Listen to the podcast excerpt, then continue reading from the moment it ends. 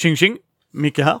I den här bubblan så intervjuar jag eh, Dan Hughes som har gjort bland annat Cora Quest och gör lite andra grejer, både för Dice Tower och lite andra poddar som man har igång och så.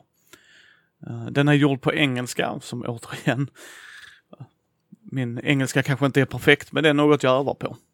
And if you are an international listener, there are some curse words in this episode, so you have this information beforehand if you want to listen. This is the second time I'm interviewing an non-Swedish speaking person, and I want to give a warm welcome to Dan Hughes.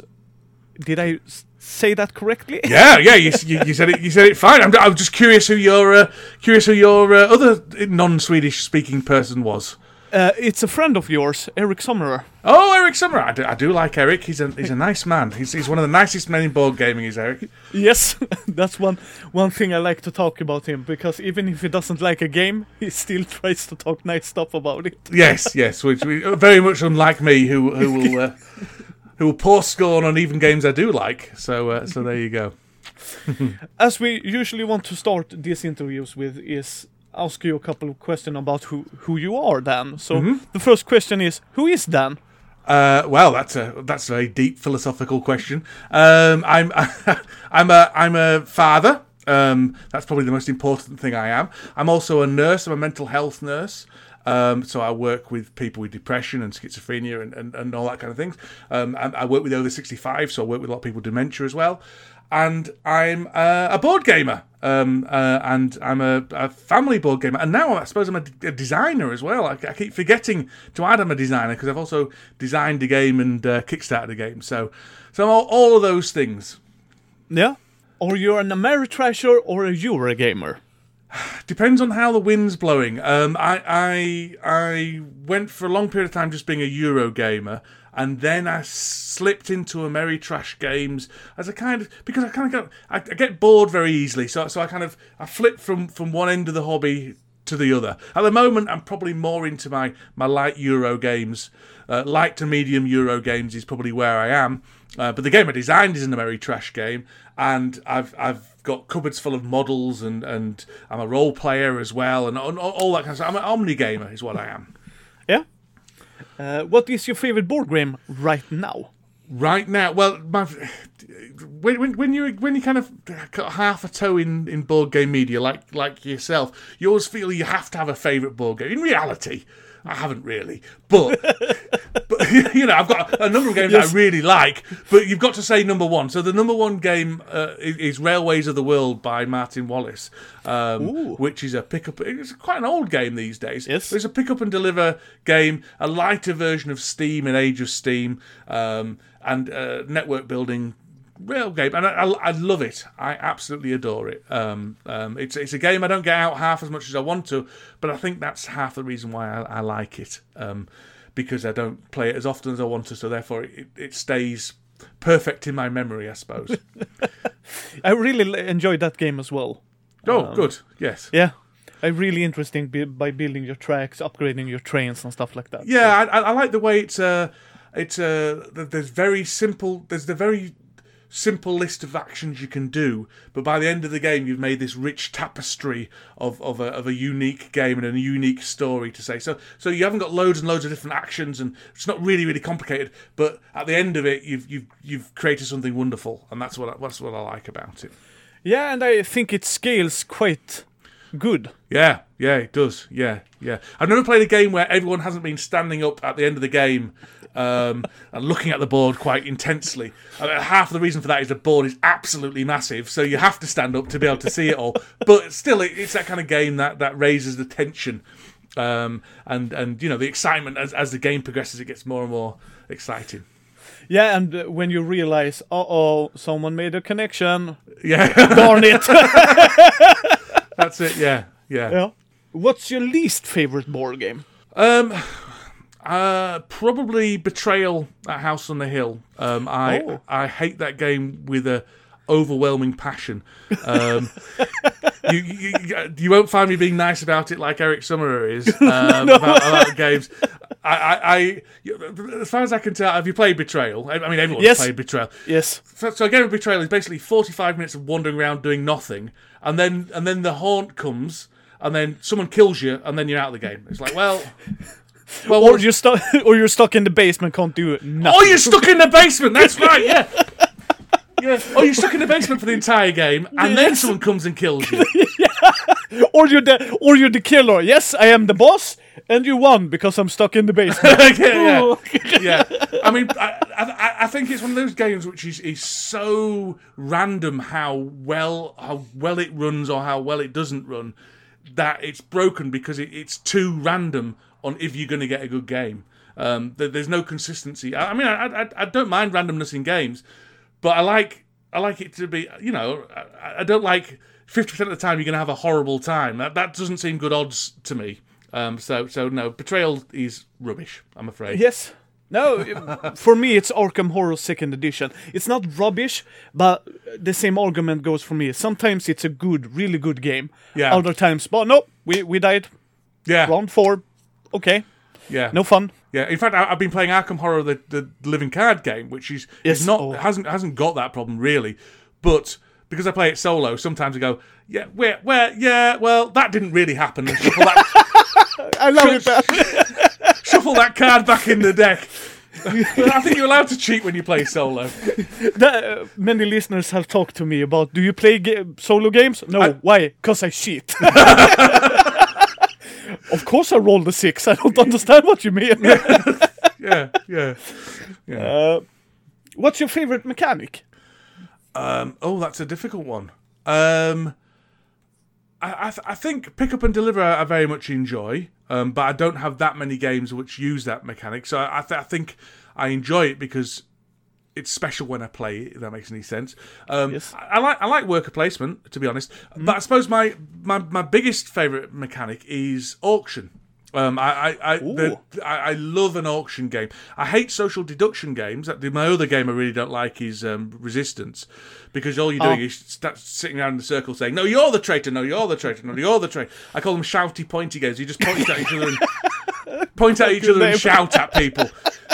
And, and I, I, I, you know, I liked them Yes. for a while, but I, I just I just wore myself out on it. But an auction game gives me all the the, the, the things that social deduction games are meant to give you. So you, you can read people, you can try and outwit them, you can you know all that kind of stuff. Something like modern art or high society are absolutely beautiful, wonderful games. So I think auction is probably my favourite mechanic. Yeah, Yeah. yeah, I, I, I like Secret Hitler more uh, than Resistance because I think I, I, I love the analogy pointy shouty games because I, the problem I have with Resistance is that people need to uh, keep watch on how people vote.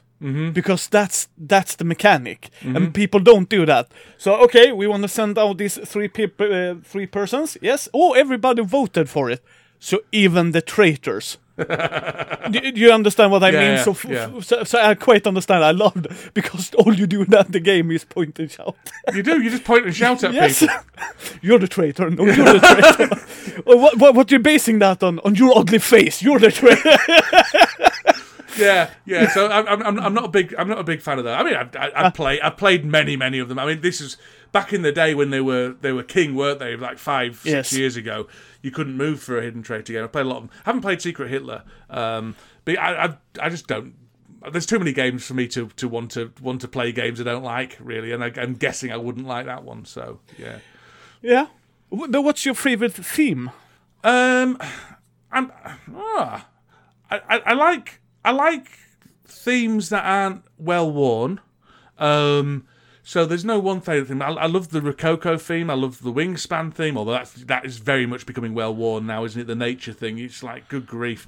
Um, um, I, I quite like fantasy, to be honest. I like superheroes. I like all the geeky stuff, sci-fi, all that kind of things. I don't. I don't um, coming from a man who's designed, as I say, an Ameritrash uh, thematic games, I, I'm not that bothered about it. Um, the theme I really like, the theme that I feel was the most, one of the most best implemented, is is life. I think um, the Pursuit of Happiness did a wonderful job of of of replicating somebody's existence in a theme, and I thought that was that was a, a wonderful way of um, of, of of theming a game. But uh, yeah, I don't. I wouldn't say I have a favourite theme. I'm I'm I'm happy with all of them. Really, uh, I don't like Cthulhu games. Um, speaking of Arkham Horror, I've got a very big um, thing about the, and I don't want, I don't think you probably want to get as serious as, as this could take us about the p- portrayal of, of mental health within board games. And I, I, I think I think I'm the, probably the only person who keeps whittering on about this, but mainly because of my job. But I, but I found I find the um, the turning mental health illnesses into kind of carnival freak shows that a lot of the a lot of the Cthulhu games do, using madness as a superpower or or madness as a, a horror trope. You know, I find that quite objectionable because it's a, it's a, it's an area of society which people the seriously mentally unwell is an area of society which don't have a voice for themselves, and and to be pointing at them as others and and scary or you know just just exploiting that that that area uh, yeah, I understand why it happens. I'm not saying anyone's a bad person, but I don't feel comfortable working with mental illness as a as a kind of entertainment source, really. But that's because I I spend all my working days working with people with severe mental health problems. So so um, I'm not saying anyone who is bad for doing it, but I, I think it's I, I, think we're doing a really good job of tackling sexism and, and misogyny within games and, and racism within games and cultural appropriation. And I think the one thing that isn't really talked about is is using using mental illness as a as an entertainment form and as a horror thing and, and as a kind of freak show. Um, but but yeah, sorry, that's uh, that's that's that's sort of the serious side of my uh, my board think, game critique. I no. F- by all means, because it's a really important subject. I, I was going to comment, but you, you brought it up.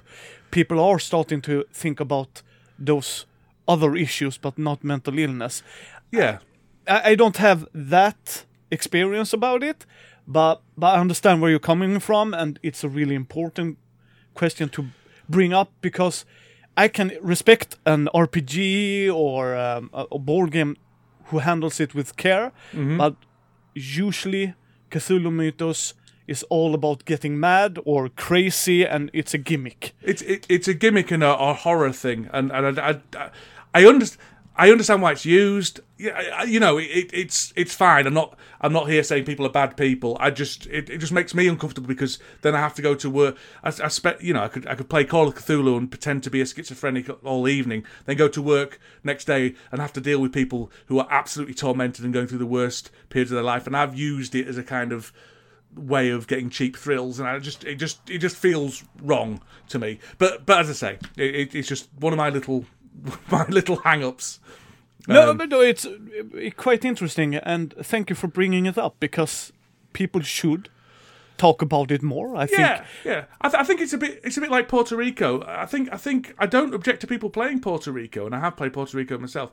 But you need to be aware of the the cultural context you're playing it within, and and and accept that that these brown cubes you're moving around are slaves, and yes. and and to be respectful of that really, and and, and to, to, to be aware of, of what's going on and, the, and the cultural context of it. Now, whether you choose to to say, well, I don't feel bad because they're in reality they're only brown cubes, or whether you feel that it's it's um it's too much for you, and e- either decision is is up to you. But as long as you've made that decision instead of just letting it wash over you, I suppose is is, is the, the thing I, I, I feel about passionate about. There's a Swedish podcast who um, played an indie RPG about addiction, and the game really was focused on talking about addiction, not just highlighting it. Um, so they switched uh, parents and stuff like that. And for a person who grew up in a home with addicts, that was the one of the hardest listening I've ever done in my life because my mom is a, a drug addict and I don't talk to her anymore. So for me, it's drugs in games. I, I don't, I'm not offended about them using it, but when you put people in an, if you're playing uh, a game about you being a drug cartel, okay, that's the game. That's the theme of the game. If you play a game where they're ridiculous, sorry, my English is not super good at times. When you diminish someone's if it's so so hard to to put words on it, but if you make make it to a joke, Mm-hmm. I'm not comfortable with it. Uh, but I'm not saying people are bad playing those games. No, no, it, it, it's just it's just a line you personally have that you don't want to cross, um, and and makes you feel a little bit uncomfortable inside. And, and if people aren't aware of that, then you can't blame them for it. You know, otherwise we wouldn't talk about anything. But but you do have to have your own internal lines and and and be aware that other people's are drawn in very different places. Really. Yeah. So I usually talk to people when, oh, I'm not comfortable with this te- Yeah. and this this is why. Yeah. Um, usually my friends um, understand and Yeah. respect it, and but Yeah. okay, then we don't talk about it. No, it's Yeah. cool. yeah. So so thank you for bringing that. up, because, Sorry, yeah. no, because I, I understand that's one of the things I don't like about Cthulhu games. Mm-hmm. I understand that going mad, citation marks, quote, Mm-hmm. air quotes here, is part of his mythos. Mm-hmm. But it's done in a way I'm not satisfied with. Yeah, well, yeah, and and and yeah, it, it, it's tricky. I don't know how you would do it because, be, be, but because it is a huge part of it. So it's it's very it's, it's it's not an easy topic, but uh, it's, it's one I think people should have awareness of. If I'm not saying they need to change, but just have an awareness of it. That's all. Yes. Um, yeah. Right, go on. Next question. Quick, let's get off this one. You told me you played RPGs. Yes. Uh, what's your favorite RPG? Um, I think my favourite is, is Dungeons and Dragons. I think that's that's the one I started with. It's the one that I've spent most time with. Um, started at second edition um, back in the day, and, and and really got heavily into third edition, not three point five. I was I was third edition. I never bothered to upgrade. I really appreciated the the open source um, nature of that that D and D did. I think it did wonders for the community, and, and for a large company to do that was an incredibly brave and incredibly, um, uh, you know, very wise thing to do. Which this is the the thing where they license. They said. You can, you can, you can, you can make supplements for our game if you want to as well. Basically, um, they kept some rights, but but opened it all up, and I thought it was wonderful. And fourth edition, not fourth edition, I'd never played fourth edition, but fifth edition is absolutely fantastic. Um, I played lots of other ones, but I, I, I always go back to D and D because it's just the, the classic. It's just the easiest. yeah.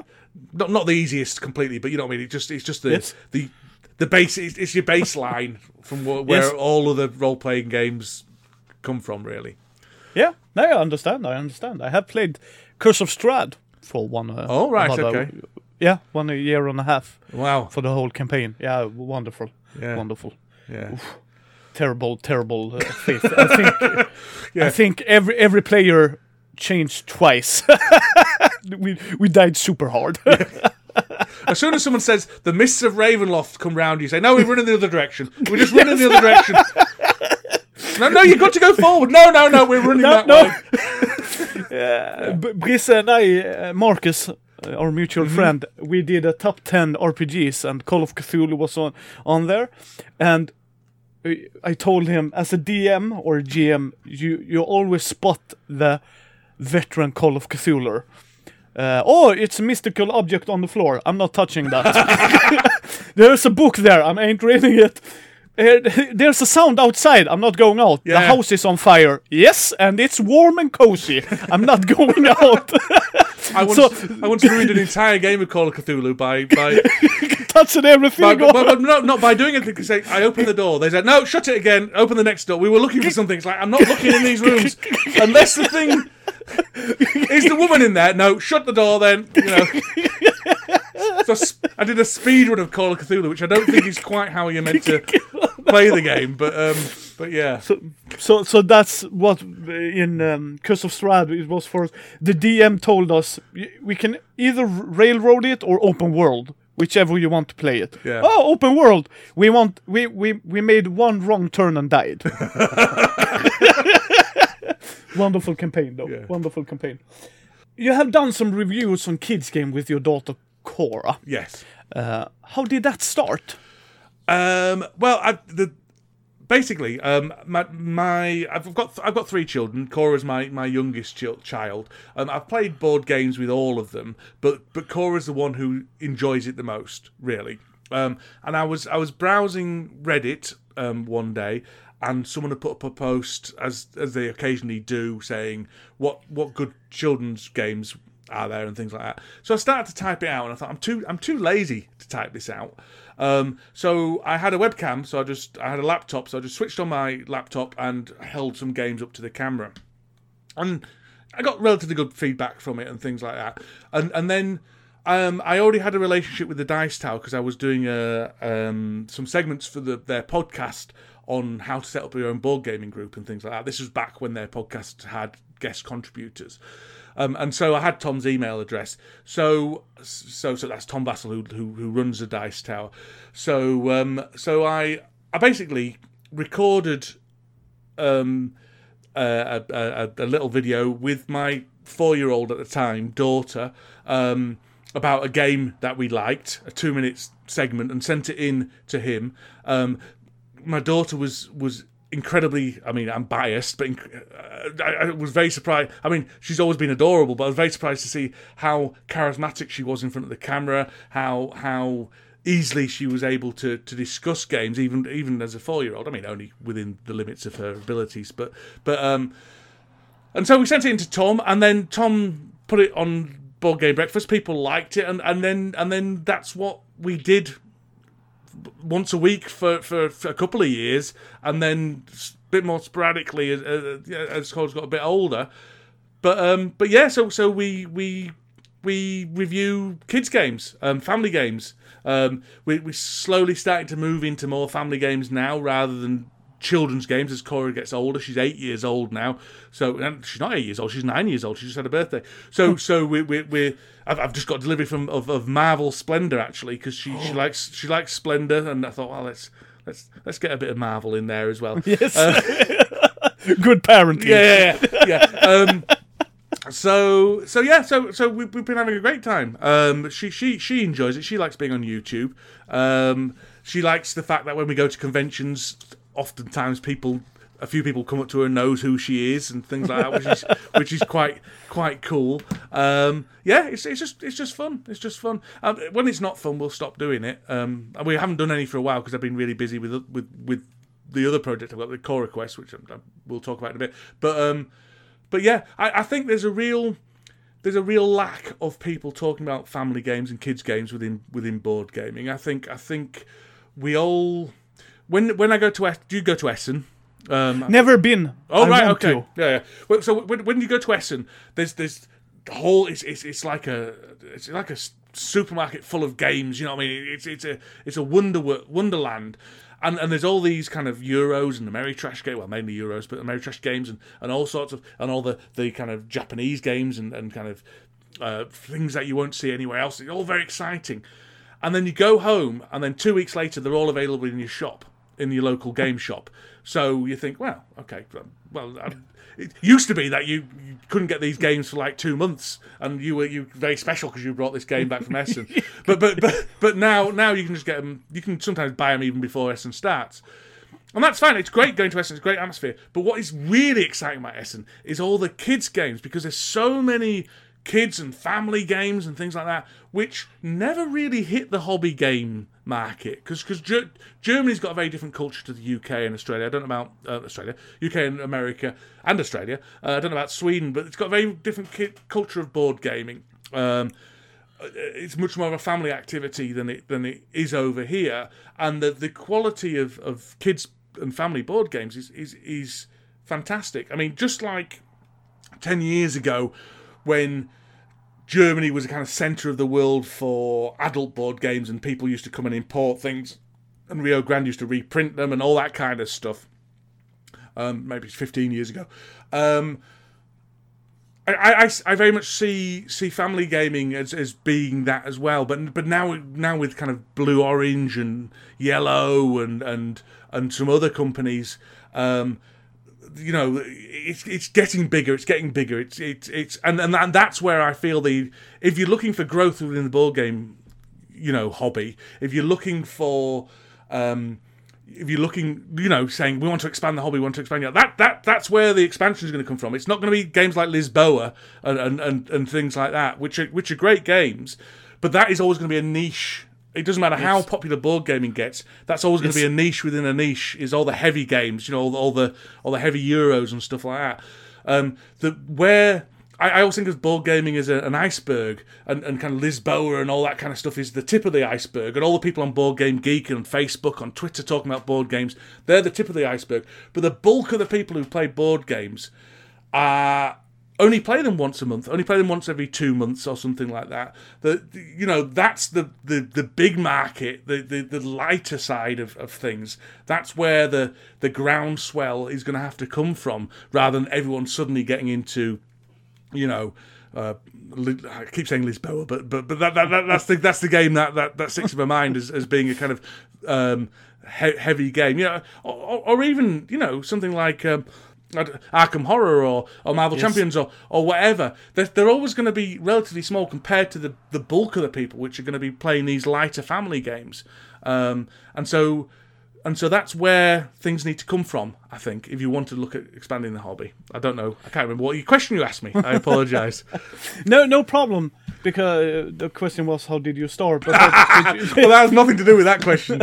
But yeah. but, but uh, uh, wonderful because I'm I'm totally agree with you. In Sweden, I think we're more close to the UK with uh, Yeah. board gaming culture, um, because my my best mate he plays Ticket to Ride with his uh, fiance, Mm-hmm. uh, and they love that game. And I, I personally don't like Ticket to Ride. But I still recommend it in the podcast. If you want a family game, Ticket to Ride. You don't like Ticket to Ride because I don't play family games. Yeah, yeah. But when I do, Ticket to Ride is awesome. Mm-hmm. Carcassonne is awesome. They, th- they are for the target audience. I'm the, the iceberg analogy perfect because I'm totally agreeing with you. Yeah. And many people, uh, I think, miss that opportunity to understand. If you want to make it like a household name, it has to be family games. Yeah, yeah, and, and, and stuff that people. If, if you look at computer gaming, the, the the the top of the iceberg is people who spend all day on Call of Duty or, or whatever, you know. But but but the iceberg underneath it is mobile games, and and, and you Yes. know, and and that's why uh, computer gaming is becoming much more mainstream and, and popular. I mean, it's way way ahead of board games, obviously. um, but because people are now finding it acceptable to, to play to play mobile games and, and, and Yes. to, to play casual games and to play Animal Crossing and and, and, and play on the Switch and pick up the, the their console every two weeks, have a bit of a go, and then and then put it down. Uh, and that that's where it needs to come from for the for the board gaming, and and that's why we need to be very careful. We're not we're not gatekeeping. I mean, I, I, don't, I don't know whether it's the same in, in your game group, but my game group, um, there's about the, the, the, there's about 40 people, let's say, in, in, in, in the, the Huddersfield game group. I haven't seen them for a year, obviously, but there's about there's about 40 people there, and about five of those people will listen to board game podcasts, and about one of those people will listen will watch a board game YouTube video. We we, we tend to feel that the the stuff that we're involved with is, is the bulk of the hobby, but it really isn't. But anyway, I made that point. So um so yeah. No, I I understand. That that's why it's it's like when I'm talking to uh, developers or anyone like that, and they talk about um, people gatekeeping from kids as well. So, but I don't want to play with kids, so don't. That's fine. Yeah. I don't want to play with assholes, so I'm not going. but do you understand what I mean? I do, I do, yeah. Uh, there's a Swedish guy, uh, Daniel Leto, a good friend of mine, who made a tabletop RPG for kids. He developed it with his daughter. Ah, I know that story. Yes. and the fourth edition is now out. Wow. He developed that with his sons. And I, I made videos to show people this you can play board, uh, tabletop RPGs with kids. Mm-hmm. They are designed for kids. And am I'm gonna do it? No, I'm probably not, not the right guy because I don't have kids. Yeah, I, yeah. I have friends that have kids, but I still want it in the hobby. Yeah. Even if I don't use them, even I don't want to buy a family game, I still want good family games. It's uh, simple as that. Don't play them if you don't like to. Yeah. That's up to you. Yeah, Uh, yes. It, the, the the hobby's enriched by a wide variety of things. You know, I, I'm not massive fan of huge, heavy euros. I don't want to play particularly play an 18xx or a war game. I'm very pleased they're there because because it should be a broad church. It should be Yes. a, a, a wide appeal to a wide number of people, really. Uh, the kids reviews you did with your daughter. Yeah. What was most fun doing that? Um, I think it, it's all fun. It's all fun. I can tell you what the least fun is. The least Yes. fun is is trying to get over what the rules are. Initially, I had to. I had a limit of, of two minutes, and so trying to get over. I didn't really have to get over what the rules were because you, there's no way you could do it in two minutes. So it was just like a very brief overview. More recently, I've, I've been um, I've been able to do longer reviews where I don't have a time limit. Tom just says, just send me a review and I'll stick it up, which usually take about, I usually only go for about 10, 15 minutes. Um, and then I have to kind of explain the rules. And I, I don't like teaching games. I don't like learning rules. I don't like teaching rules. One of the reasons I'm a light gamer is because they're easy rules to remember and I don't have to teach horrendous long rule books and things like that. So, so I don't I don't like having to teach the rules and, and explain those and, and do shots of the cards and all that kind of I find it very boring. What I love is basically myself and my daughter Cora sit in front of the um, the camera and we just have a mess we mess about. I, I try and make her laugh. I, um, she, she she insults me. Um, it, it's not scripted. I mean, she she will do a couple of takes these days, but but for a long period of time, kind of between the age of four and six or seven, she would refuse to do anything twice. So it's like you point the camera on, you press record, and you just go. Um, and and and that so it's just very natural, very, and I think that's what people respond to. So I just like.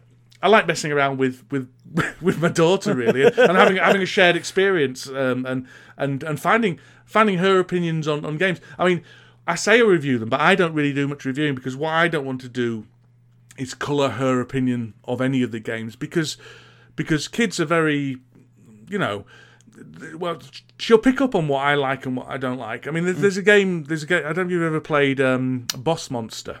Um, Yes, I have. Yeah, I hate it. I absolutely hate it. I love you, Dad. right to the point. yeah. Well, yes. it's, it's a, it, I can see its, its merits, but uh, but it's just not a game for me. Um, Cora loves it and and and will Oh. want to want to play it over and over again, and I will play it over and over again to a, to a certain point um, with her. But when we do a review of it, I won't be saying I hate this game because because. If she hears me say she I hate the game, she'll go, well, maybe I should hate it too, because cause kids are very impressionable at- Yes. at, that at, Yes. at that kind of age. So so so um so so my my thing is facilitating her opinion. And to be honest, it's always positive. I say we do reviews, it's always two thumbs up. Um because because she loves games and she loves every game and, and she'll find something to enjoy. And and half of playing games with kids, especially as they go young the younger you go, is the enjoyment comes of spending time together doing a shared activity rather than the actual game. Um, Yes. but but the but there are games that that will elevate and, and can be more fun for the for the for the adult, and they're the ones that we tend to promote because that's the ones that that we tend to play more, um, and so that's the ones that kind of come to the front um, of of our our review pile, I suppose. Yeah. Yeah, lo- lovely. I, I I really love you, Dan, because that no, but you're you're putting a finger on it. I hate sports. Yeah. I really hate sports. I, I have a passionate hate for it. I love people doing it, but it's not for me. But when my nephew is having a match in soccer, football for us, uh, I'm still there. Yeah. I'm not saying I'm hating it. Yeah. Why? Because he loves it. Yeah. And, and and it's not a sacrifice for me. It's he loves doing something. I'm gonna be there and supporting him. Exactly. No matter what. Exactly. Yeah. So, so I understand, and you you ain't doing anyone a service by hating a game either, uh, if she likes it. So No, no, Uh, no. The, the, the, the, the value in gaming with, with families to to to spend time together uh, in a, Yes. in a very in a structured but fun way. Um, and and there's no point. You know, I'll play Game of Life, for example. That's another game I really don't like, but I will play it because because she wants she wants to play it. You know, she Yes. in her mind, the Game of Life is just as valid a, a, a board game as anything else on our shelves yeah, uh, and and quite rightly so. You know, um, so it does. It, it has it has a board and it's a game. yeah, exactly, So, exactly. So, so, so yeah, which any criteria do we want? but I understand, and that's I, I really I, when you guessed Marcus Pod, you talked about when she didn't want to do any more any interviews. yeah, and you said, "No, but don't." Then we don't do it. And I, I said, "Oh, I love this man because, but because you put her needs before yours." Yeah. And and I love that. That should be promoted because okay, you don't want to do it, then we don't do it. That's that's fine. What do you think is the rookie mistake parents do to try to play board game with the kids? Ah, well, I, I, I have I have a a, a I, I did a whole whole mini series on this on the on the dice tower because as I say, my my son, my middle son, he's fourteen. He will play a game with me and enjoy it, but he he, he isn't one for he wouldn't ever request a game but he, he'll enjoy and play a game with me if, if he would. My daughter will say she doesn't like board gaming. And then the reason my daughter my eldest daughter my 17 year old daughter and i made a number of errors um, when when I was introducing her to the hobby because when I introduced her to the hobby, she was roughly the same age, about six or seven, and it's when I was just getting really into the hobby as well, and so I was desperate to play as many games as I could. You know, I I had Board Game Geek, and I, you know every, every- every game was seriously you know ticked off and, and and rated and all that kind of stuff, and you know these days I haven't touched touched that for a long time. Uh, um, so so because of my enthusiasm, I was I was pushing her to play games when she didn't particularly want to play a game. Um, and then that became a chore, and then and then if she doesn't particularly want to play a game, then you will be not as engaged in it, and so you won't be really paying attention when it's your turn, and that used to make me get cross. I'm, I'm not, uh, you know, you may think I, I'm a good dad, but I'm I'm really not. Uh, I'm a, I'm a human being just like everybody else, and I've, I've made made mis- a number of mistakes, and so I get cross, and that makes what was a chore to be something that's actively disliked. And and so basically, by being too enthusiastic about introducing my daughter to, to gaming, I, I drove her away from gaming um, be- because it became something that she didn't want to do and she actively didn't want to do.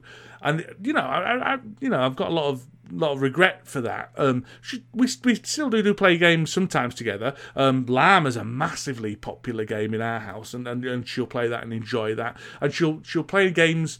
She's gone to a few um, kind of mini cons. Um, with with not with me but with the family when or when the family have come to drop me off or pick me up or from something and she'll sit down with people and other people and play games but she doesn't particularly enjoy playing games with me because because of this this particularly you know I was I was pushed too hard so the the big mistake to do is number one don't assume um, your kids are going to be little replicas of yourself um, your your kids aren't going to have the same hobbies as you, and and and, and they are human beings, um, and they will they will develop how they want to develop. Um, you can introduce them to to stuff, but you can't force it on them. Um, and and the more you push against a little bit of reluctance, the more that reluctance grows. You know, equal, every action has an equal and opposite reaction. So if you if you're not going with the flow of your kids' interests, if you're going against the flow of your kids' interests, then all you're going to do is is is create resistance. Um, so that's my my big tip. Um, Yeah. yeah. She's probably Yeah. listening to this because she's in the room next door. That's why I'm. I'm that's why my voice went down a little bit. Started whispering a little bit, talking about her. Yeah, Before Corona, COVID, yeah, you had you had a get together for families to play board games, if I'm not mistaken here. uh, yeah. Well, yeah. I, I ran a, a, a children's board game group. So every month, um, um, we we ran. A, I think I've, I've got a lot because I've done reviews for a while and I've, I've bought a lot of games and I've also been given a lot of review copies of games. I have a very large collection of children's children's board games, and so I used to take two massive, great big tubs of board games down to our local go- game shop, and um, and families used to come down and, and, and, play. So I, I would go around and teach people how to, to play various games. Um, and it was going really, really well until COVID COVID struck. Um, so I've been doing that for about a year before COVID. Um, yeah, every, every second Sunday of the month, I think it was, just for, for three hours. We, we we had quite strict rules in that in that adults weren't allowed to come and drop their kids off and disappear. This was a, this this was something to do as I want to say family, but you know, friends and guardians, and you know, Yes. a, a broad sense of the word family. This was something for for people to come and do together, not a childcare situation. Um, uh, and yeah, it, it was it was great. Cora loved it. She made a lot of new friends. Um, you, you used to we we aimed it at children of I don't know how it works in Sweden, but primary school age we we would so it would be between the ages of five and eleven. Um, so not not teenagers, so just younger younger kids. Um, but anyone could come down if they wanted to, really, as long as they had a. We we had a couple of people who came down who didn't have children. I said, I, I'm not saying there's anything dodgy going on, but you're not allowed to come. you've got to, you've got to be. Every adult needs to be accompanied by a child. Um, uh, there, there wasn't anything dodgy going on. They just like, No. they, but I just said, well, be, because we're encouraging. Um, my biggest aim was to encourage families families without a gamer in it because because initially the people who came down were were people who were board gamers part of part of the board gaming community who had children and brought them down but what I really wanted to happen and what we never really quite got to um, in the year that we were running was people who don't play games as a family coming down because it was a good good afternoon, you know, good morning's activity. Um, that's that's what the aim was. We needed to go steady because there was two of us, um, Flavian, who's my my my friend, and me running it, and we could only manage so many people and ensure so many people were having a good time. So if we got too big too quickly, then it would have collapsed in on itself. Um, Yeah. Because we needed to go around, teach rules, make sure everyone was okay, make sure everyone had a game to play, encourage people not to sit in their own family groups to to to, to mingle a little bit, which which really worked. It was it was great actually. It was great. It was stressful at times, um, but it was great. A lot of fun. Yeah. Or you're gonna pick that up. That's that's the plan. Um, Flavian has just got a new job with. Is it? I can't remember the name. Is it Hachette? The French board. they- They're a publishing company, book publishing company. They're, the third biggest in the world um, of books, and they've recent. They're French, and they've recently moved into family board games. And and and the, the the feeling is am- am- amongst people is that they may be kind of going, hmm, Asmodee's doing this, um, and, and going for, for, for a kind of moving into this profitable sector. They, they bought BlackRock Games, which is a very large distributor of board games in France. And, and, and my friend Flavian, who is French, um, he's just got a job as a distributor of family board games within um, within the UK. And so and so he's a good man to know if you've got a family board game club. So, so, so, so yeah, I'm sure Flavian's very keen to, to keep it going. Um, the board game shop will be keen because we brought a lot of people in, a lot of people, and, and hopefully people will start bringing people in who aren't in the hobby. And you know, the more people you can get Yeah. who don't regularly come in, um, the better, really. Yes. And so And the- yeah, the- so the plan is to to recommence in the summer if we're allowed. Yeah. Uh, lovely, lovely. Because that's the target audience. Yeah. Uh, again, you're part of the Dice Tower, or you have done things. For I, the I am. I'm a, I'm a, I, Yeah. Tom, Tom said I was the longest, longest continuous Dice Tower contributor the other day. That's still going anyway. So yeah, I am part of Yeah. Dice Tower. Yeah. But how did that start? Um, well, it started. I, I I set up a board game group in Huddersfield called the Noble Order of Huddersfield Board Gamers, and I wanted people to join this club um, so I could play board games with them. And I thought, what's the best way of doing that? Well, it's to get on the biggest board game podcast there is, which is the Dice Tower. Probably still is the biggest podcast, but it certainly was then. Um, and um, and so I kind of wheedled my way in. I've, I've done I've done I've done podcasts um, most of my uh, adult life, or since podcasting started. Anyway, I, I used to do a, a film podcast uh, about fifteen years ago. I do a podcast now um, on board games. Do a couple of podcasts, although one of them's a bit on hiatus. Um, so, so I just I sent in some segments to, to Tom. I'm, I'm I'm always somebody who's looking for something creative to do. I'm always something that's looking for the, the next next project to do. So I thought, well, I'll just I'll just send something in. I had a microphone, all that kind of stuff. So I sent him a, a segment about how to set up your own board game group. Um, and and then so I ran a series of, of that on the podcast for about twenty episodes or so, um, and then it ran its course. So I just stopped, and then as I say, um, then then the Cora thing started. So I I, I uh, started doing videos on with Cora. Then I they uh, I I started doing some other solo videos, usually trying to get a bit of humour in there, um, and and and it just took off from there really. Um, and and now the podcast I do now, sporadically bored, is is is with Mike DiLisio, who's one of the uh, employees of the Dice Tower. He's a full time member of the Dice Tower. He lives down in Florida with them and stuff like. that. Although he didn't when we first started. So I'm I'm taking credit for his his uh, I'm taking credit for his employment.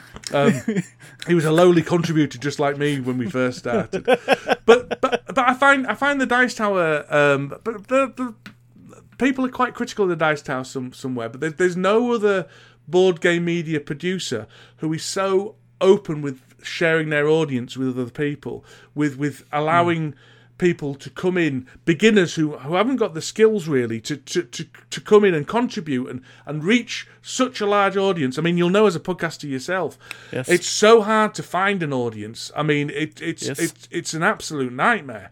Uh, and to Yes. just open up the doors and say, "No, come in, share our audience," is is incredibly generous.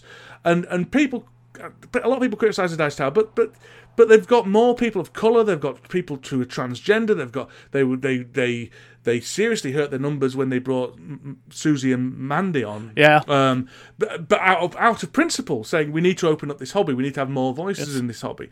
Um, Tom is an incredibly generous man. Um, Yeah. I, I, I, I've got a lot of time for the Dice Tower, and I I think sometimes because they're the largest kind of fish in the pond, a lot of people target them. But no one's perfect. Obviously, they do things that I don't agree with, but but I think the generosity of spirit and the, and the um, the uh, sincerity and and uh, and it comes through with Tom. I, I, I very much like like the man. I like, I like the Dice Tower as, a, as an entity, and I'm, I'm proud to be a member of it. To be honest, Yeah. yeah. No, no, I, I agree because I met Tom twice, I think, at Gen Con both times. And Oh, I see. You've been to he's- Yencon, Gen, Gen Con, Yes. but you haven't been to Essen. Yes, Oh.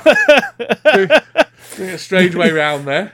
it's a it's a blind spot. We we did uh, both times. Um, first time which was with my wife and a friend, so we did a little road trip. Yeah. Started with Gen Con and drove down to Miami. Second time we did um, uh, for a month driving across Oh, lovely. all the states. Yes, so so that's why. Yeah, yeah, no, no, no. no. Be, I'm hoping to go to Gen Con at some point. I just want to see it. But yeah, yeah. I've been, I've been to Dice Yeah. Tower Con a few times, but I've never, Yeah. I've not been to uh, Gen Con. No. Uh, but, but, but I agree. Tom is really open about it, and I, I thought it was a great move to put Suzanne and Mandi in the podcast. And I, I, I can't understand why people. It's okay if you don't like the style. Yeah. Tha- that's that's fair because uh, th- th- that's with all the content Yeah, crita- yeah, exactly, creators we have. But just because they're women, mm, sorry, I d- then I don't want you as a listener. No, no, that that that that that, that that's right. Yeah, yeah. Uh, and and I, I think I think it's it's not there yet, but there's certainly much more representation of, of, of women within board game media now than there was f- three four years ago. Um, Yeah. And I'm not saying that's the Dice Tower's responsibility, but I, I- I'm I'm proud of the the um, the community for, for, for doing that. There's still a long way to go, um, but with representation for all sorts of groups. But um, but at least at least there's an acknowledgement that it needs to be done. I think. Yeah. Yeah. Yeah, I'm, I'm so with you. I'm so with you. What changes to the hobby have you seen over the years you've been a content creator? Ugh. Um, I, I, think that's that that that that is probably the main one. Is is the the the opening up of of um of it from being middle class white males um, to to encompassing a wider range of people. Certainly within the board game media space as well. Now, there's work to be done, and it's it's difficult as a middle class white male because because sometimes you think, well, should I be even con- doing anything? Because am I am I Yes. am I part of the problem here? You know, and I think I think it's fine as long as as long as you you you lift up other people with you and, and things like that. Yeah. I think I think that, that that's okay. So, so I think the diversity within the board game. I think um I think there's been uh, a, a, an upswing of younger people coming in, and that's probably because I'm an old now an old person. I didn't used to be an old person. I, I'm not quite sure where being an old person started, but I certainly feel like it. So, so it feels like you've got almost kind of two generations of board gamers. You've got people who were Dungeons and Dragons players 20 years ago. They used to play Warhammer and all that kind of stuff. Well, 25 years ago, really. Um, I'm just thinking about myself now, and, and kind of they're in their 40s now or 50s, and, and, and, and all that kind of stuff. Then you've got all the 60 year old war gamers and things like that, that that that we all used to look down with scorn on, and now now we're kind of going, huh, I'm quite interested in World War Two now. I wonder wonder what these war games are about. Um, because because there's, there's there's a point I don't know it happens with, with yourself. But there's a point. I reached a point when I was about 40 years old, and suddenly there must have been some kind of gene that switched in my head where I thought, oh, I'm interested in Second World War now. I, I n- never cared about the Second World War. But as soon as grey starts coming from beard, But the day you yes, the day you your 40th birthday. yeah, Huh. Normandy. Yeah, that's it. That's it. I don't know why it happened, but it certainly Yeah, happened well, to me. Normandy. half my podcast now about World Yeah. War Two. It's like, well, why, when did this happen? but, um, but, but but then you got people like Shut Up and Sit Down who brought up a and, and, and Reddit as well. Yeah. There's a much there's a a, a hip, trendy, non geeky. Um, you know, side of board gaming now, um, in, their twenties and early thirties, and, and I think that that's that's quite interesting. Who who aren't as wedded to the tropes of fantasy and, and sci-fi and, and Marvel comics and, and and and weren't the outsiders all the way growing up. Um, the outsiders who liked computer games, all the geeks and people, you know, that like computer games, because now it's mainstream to like computer games and and and and Marvel films and all that kind of stuff, and so they haven't kind of got the same kind of baggage um, as as everyone else, which I, f- I find fascinating. So I don't know. What do you think have been the uh, the, the the changes in, in in board gaming culture? YouTube, Yeah, podcasts, yeah, internet yeah, yeah. over overall, and and the, the last couple of years more diverse voices. Yeah. and yeah. I'm a I'm a white. I'm 34 years old, white male, middle class, upper middle class. But I always try to find guests who talks about the subjects maybe I can't rep- represent. Yeah, yeah. We have an actual play podcast part in the in the Mindy family, and I always I have male friends who wants to play, and I have other podcaster who are male friends uh, I have met through podcasting, but I still want to have more female voices or trans or uh, minorities overall because I think that's important, and I love how how the hobby grows Yes. with it, or the, you doing with your Cora, for instance. That I play board games with my kids. Oh, thanks, Dan. Now I can get good games. But you understand what I mean? It's more. It is used to be gatekeeping even when I was young. You don't play Magic. Hmm. You haven't been playing games. Yeah. And they're all sad to say still Well, those th- and there, there in the always will be, I- and I think every human Yeah. being has an element of a gatekeeper about them, and it's very difficult to, as, as with all these things, it's the, the, the key is to identify it and challenging it within within yourself, rather than dismiss the possibility that you could ever be a gatekeeper, because we all we all are, um, you know. Yeah. Um, uh, uh, yeah, for example, if you play Betrayal in the House on the Hill, you're not a real real gamer. Um, but, but but yeah, I think I think the other You really hate that game. the, the, the other thing I think is, is is interesting and has changed is that it's become a lot more professional. Um, e- Yeah. Even in the realm of Kickstarter. Now, I, I, I relatively recently finished a Kickstarter, and I was in quite a privileged position in that I. Um, along along with my other privileges of being white, middle class, blah blah blah. Um, I, I had uh, I was relatively relatively well. I don't want to sound like I, I think I'm famous or anything, but but people knew who I was in the community, although there, or or some people knew knew who I was in the community. Um, um, so I had a community behind me, and also I had on my team was an artist. Um, so my the art we were getting for the game was uh, in inverted commas free um, because he was doing it. But but Kickstarters these days, five years ago, you used to be able to do a Kickstarter with with no without having to spend any money in advance. So you didn't have to spend any money on advertising, and you didn't have to spend any money on your your art or anything like that. It could be you could have very basic art or or whatever. Now. Um, not only is, is board gaming in itself much more professional, you know, with, with Asmodee and, and the, the companies are getting much, much bigger and much, much more corporate and, and much, much um, less one guy in his garage running a company and and now you've got board of directors and all that kind of stuff which has its downsides but it also has its upsides um, and, and Yeah. if you want the hobby to spread it's going to have to do that because it needs to be on a scale um, but but also kind of the the even even the indie side of things has to if you want to run a successful Kickstarter these days, you're going to really struggle if you're not spending ten thousand dollars on advertising and have all your art in place already. So that's another twenty thousand dollars. So unless you spent thirty thousand dollars up front of your own money, then you're not going to be able to get a, a successful Kickstarter, or it's it's a lot harder to get a successful Kickstarter. Um, Yeah. and so that means that that that the the guy in his with his passion project is really going to struggle um, unless they, they, they, they sink a lot of their own personal money into it, which is not really what it, it should be about. So it's it's I think I think we're in danger of of with the corporatization of, of board gaming, we're in danger of losing the the, the, the man, the woman, the, the designer in their in their study, one man band doing all the things, and I think that's a bit of a shame. I think that's a bit of a shame. I don't I don't you know there still will be room for it, but but it's it's harder to get your foot on the ladder because people want more and more professional things. If you if you if, you know the some of the games that were released uh 8 10 15 years ago wouldn't be tolerated now because of the production No. quality Um, yes. and and that also has and, and I'm sorry I'm just babbling here so this is, this is going to be one of your on, this is go going to be one of your longer podcasts Yes.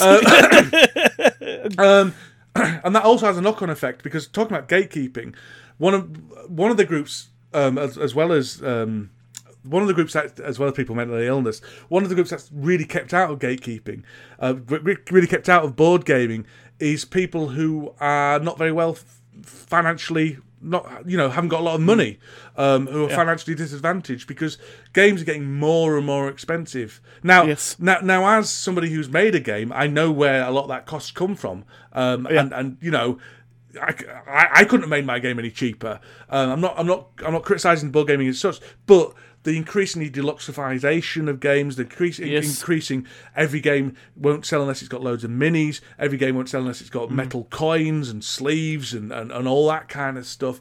The the every game needs a, a its own insert. Um, the, the game I'm making, Cora Quest, we don't have a custom insert, and, and some people are quite angry about that. It's like, well, it's going to cost a lot of money to make a make a custom ins- insert, and and it's not really necessary. You know what I mean? It's nice, No. but it's not It's necessary. nice. Um, and you, and you won't need it. I promise you, you won't need it. Um, you know, but um, yeah. So so so, I I, th- I think I think board games are keeping people out by us all wanting to spend all these these middle class people having disposable income to spend money on on really nice games and wanting really nice games. But the the, the more that pushes the price up, and and now you, you're looking at when I first started, you know, you could get a game for thirty pounds, and that was your standard box game, Yes. you know, price for a game. Now it's 50, 60 pounds is your standard cost for for a game. Yes.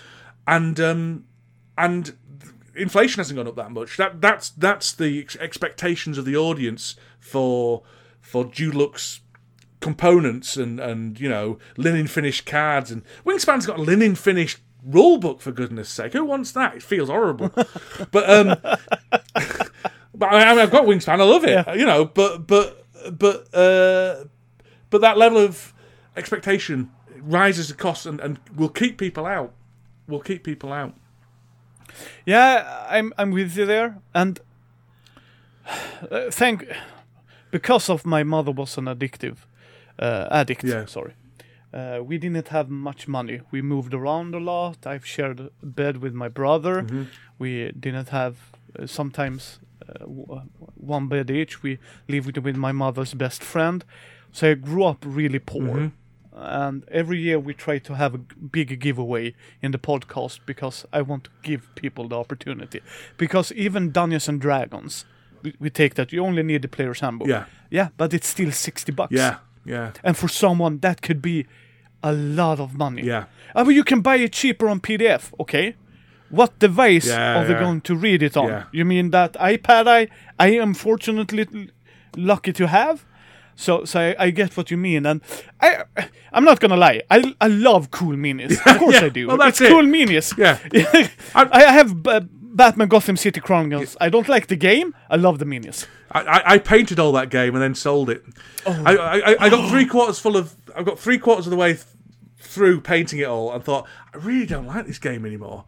Um, but I can't sell it half painted, so I had to paint. No. I had to paint the other half of it to, to sell it, and even then I sold it at a loss because no one wants. Not, I, and, and that's a game that I reviewed on the Dice Tower. Um, and gave a really good review to, and, and then I played it. That's, that's the problem. That's the problem with reviews, though, isn't it? Because you you Yeah. play it. I mean, I played it four, not four or five, five or six, you know, seven times before I reviewed it. But then I played it another five, six, seven times, and I went, "Oh yeah, it's not quite as good as I first thought it was." Um, And so I've got this this review on on the Dice Tower saying, "Yeah, it's a really great game," and it's like I don't don't really think that anymore.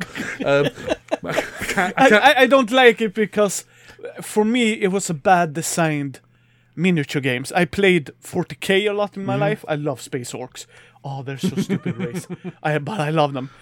That's that's not a pistol. Of course it are. It's it's an orc pistol. It's gonna work. but yeah, don't have a fire mechanism. For an orc, it does. Don't question it. Don't question it. uh, but but for but, but I, I I understand why people like it, but miniatures and stuff like. that. But it's not a cheap game. No. it's not a cheap game, and I I, I understand. I understand, and that's why I think, as you told, I, I have interviewed a lot of Swedish publicists, uh, publishers, or designers, and they always talk about cost. People don't understand how much things costs. Uh, Sweden, Swedish uh, RPG players love boxes. They don't want. They want the books and dice and maps and everything in a box. And you talk to Swedish the uh, publishers, and they say it's a loss because we don't have the numbers for D and D. Because that's then they can have better better prices because they ship a lot more. yeah. And many people don't understand that as well. So. mm, yeah, It- it- I- I- it's a tricky one. It's a it's a tricky one Yes. because because it does cost a lot of money, and, and a lot of the money isn't even in um, the manufacturing process. The, the- a lot of the money is in the shipping and the Yes. the taxes and the and the safety testing and and, and various Yes. things like that. And, and and all those things are much more expensive in your lower quality quantities than they are in the higher quantities as well. So so like safety testing is is one thousand dollars to, to, to get your um, yeah, yeah I know it upset me at the time as well. Um, safety testing is one thousand dollars to get your your game safety tested. Now to Hasbro, that's nothing. Um, Uh, no, because they're going to sell a million copies or they're going to print a million copies. To Cora Quest, who in, initially we we were thinking we were going to have to s- sell 500 copies to break even.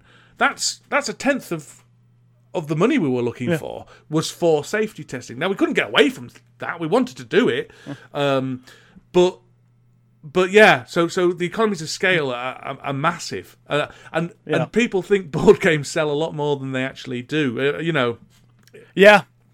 Oh, Ticket to Ride sold a million. It's Ticket to yeah, Ride. yeah, yeah, yeah. Um, With we with there again people with family board games. You can't compare them. no, and No. and, and ten thousand copies is a, is a is a huge success. Uh, Yes. um, and and you know it, it, it, it's it's it's fascinating. The, the the stuff I've done on on, on the Cora Quest stuff has been absolutely fascinating. Uh, uh, fascinating insight into the world of publishing, a, a world I would never want to go into.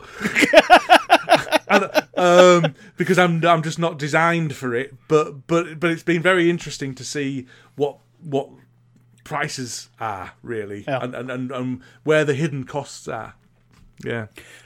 Yeah, because you made these wonderful games with Cora, and it's a dungeon crawl for kids. Yeah, well, it's a dungeon crawling game for families. Um, So- sorry, no, no, it's fine. Um, the reason I'm, I'm saying that is because it it's probably too complex to sit two six year olds down and expect them to play with each other. So, so, Oh. so it's a game. It's a game that is designed um, very much. It, we did. I, I won't go- I'm, I'm not. I'm not here to do a pitch, but basically, I, I did it with Cora as, as part of a lockdown project. It was never meant to be a published board game. We just wanted to do something fun within lockdown because it was incredibly tedious lockdown. Um, so so we we designed this game and, and, and things snowballed and, and, and you know we got it play tested with various people and Gary came on board which is my artist friend. And so we had the opportunity to share it with other people. So so but it was designed for me and her to play together. Um, so it, it it's it's a game that we've the intent is for an adult and a child or two adults and one child or any combination of those things to play together and have equal amounts of enjoyment from. There's there's plenty there's plenty of dungeon crawlers that are aimed at, at adults um, that a kid can sort of play, but and they, they, and to be funny fair, there's there's no other than Mice and Mystics and um, Stuffed Fables, there's not really any dungeon crawlers designed, or even Ameritrash games designed for for kids. Um, and and so it was it was something we wanted to. I wanted to to play. We, she wanted to play some of my um, Ameritrash games. We've been playing Zombicide and stuff like that, but it's not really that appropriate for for for an eight year old Oh. Zombicide. I mean, it's all right, but but what, the teacher asked her what her favorite board game was, and she said Zombicide, and I thought, oh, I'm not sure. not, not sure if social services are going to get called, and I'm going to get a child protection uh, visit. Be glad she that. didn't say Secret Hitler. Yeah, secretly, yeah, that would have been even worse. um, yeah, yeah. So, so uh, it was it was something we, we we made for ourselves, and then and then decided we want to share it with other people, really. And and, and initially, we we thought we just wanted it out there, so we were looking for for 500 copies, and we would have been happy. We ended up the Kickstarter did much better than anyone expected, and um, we've we've sold I think five thousand five hundred copies, which is Oh. which is fan- which is wonderful, and we've got a publishing deal now as well. So so hopefully hopefully it will, Oh. it will it will it sell more. So so um, Fantastic. yeah. So so we're re- Love really really pleased with it. I mean, it's been a lot of work, but but but really pleased with it. Yeah. Oh, yeah. Preach, preach. It's so it's so good. Uh, we uh, we do a segment on the podcast Mindy News every two weeks. So, uh, and my fr- our mutual friend Marcus, you need to talk about Cora Quest because we have a Kickstarter segment, and I said I'm already on it because I want to promote these things in the hobby.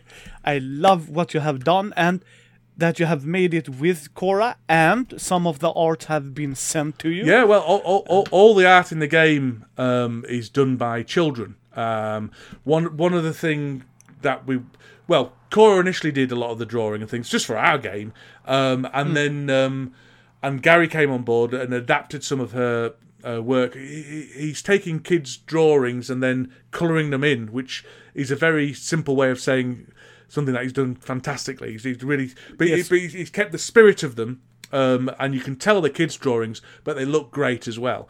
Um, Yes.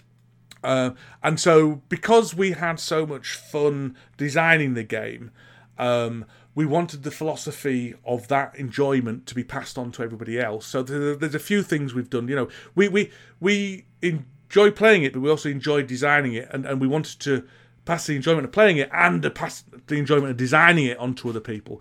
So the entire game is customizable. Um, so you, we've got a web app where you can upload your own pictures and, and design your own heroes, and so you can have your hero going around the um, the dungeon, not not ours. Um, and and similarly, we've got a similar thing with the the, the monsters. With the, the way we've written the, all the quests is very adaptable, so you can write your own quests um, and, and things like that. So, but one of the things, the other thing we thought was like we got the opportunity to do all this art. Now we could get just Cora to do it all, and that would be fine.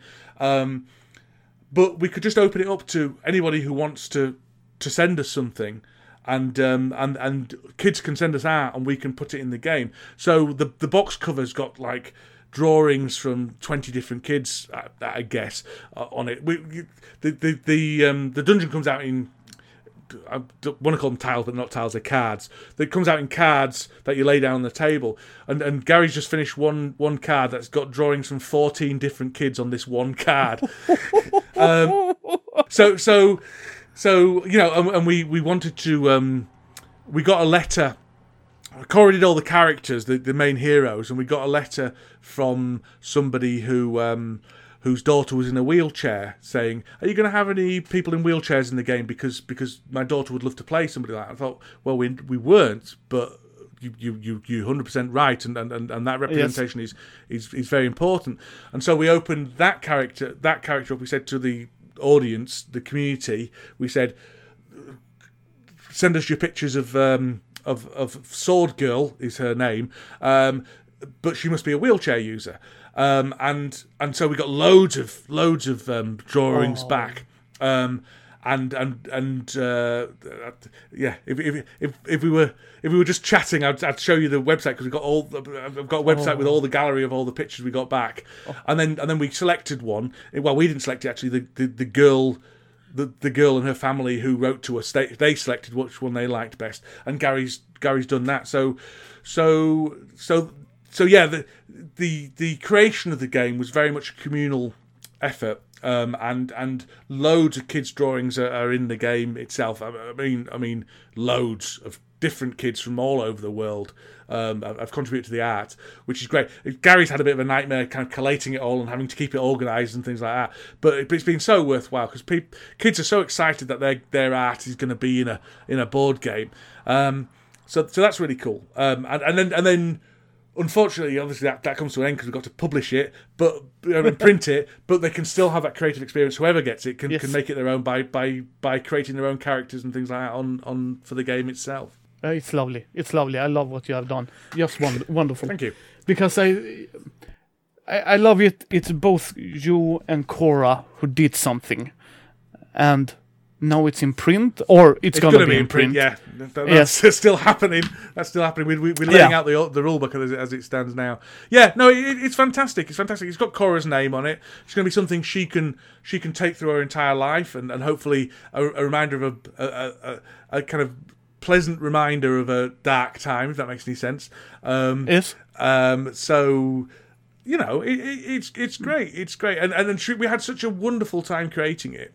Um, the development of it and, and, and all the marketing and things she didn't have much to do with you know she she she she, she worked intensively with me for, for, for about a month on on creating it. And then and then I, I keep going back to her and saying we're doing this. Is, is that okay? Because because the thing going back to the enjoyment thing the thing I'm really really really passionate about not happening is that she doesn't come to resent this game. She doesn't come to to to think that um, uh, because the amount of playtesting I've had to do um, on on this game is, is immense, and and even I'm fed up of it now. And I, I think any design any designer will tell you they, Yes. they hate their game by the time they ship it through. I don't hate it, but I certainly I've got no desire to play it again. Um, for, for, for, for a few months anyway, and I don't want that for Cora. You know what I mean? So No, yeah. so she has play tested it. She play tested e- each new mechanic and, and gave a yay or a nay and things like that. But I haven't involved her so much in the development because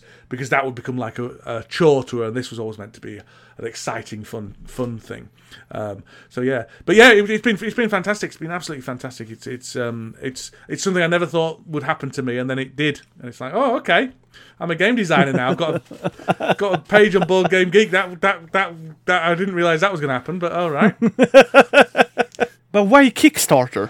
Well, the reason we went by Kickstarter is that we, we were talking to a couple of board game companies initially because, again, from my position of privilege of, of knowing these people um, and being in contact with them because I've reviewed their games and things like that, I do have some contacts. I wouldn't call them friendships, but acquaintances and, and, and contacts within the publishing industry. And then there, there were a few key things that I wanted to happen. I wanted a, I wanted Gary to be doing the art on it because because he had, had, had come in right from the beginning. He's my friend, and and to to to kind of use him to to create a prototype, and you know, to create a marketable thing, and then drop him for whatever publisher the artist the publisher was insisting on was wasn't going to be something I was going to be willing to do, um, and also that I was by this point, Gary and I had kind of come up with this this concept of this this community driven game and and the customization of the game and the that we would want to um, publish um, you know, put put other people's creations on our website and encourage people to to adapt and create and share adventures they've made and, and all that kind of stuff. And we were very happy with this game being um, Creative Commons, to be honest. It was what our initial thinking was. But we weren't convinced that a publisher would be as happy with us being as fast and loose with with the copyright of this game. Um, and and we weren't convinced that they would wouldn't take it off us and then make a commercial product.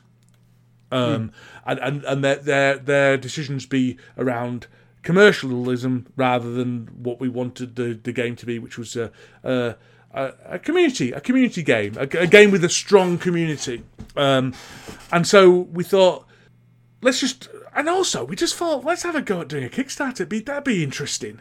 Um, You know, so so yeah, so we got a friend of mine, Mark, who is a game publisher. Well, he, he used to work for Hush Hush Games, who did um, Fog of Love, um, and now he works for Plastic Soldier Company.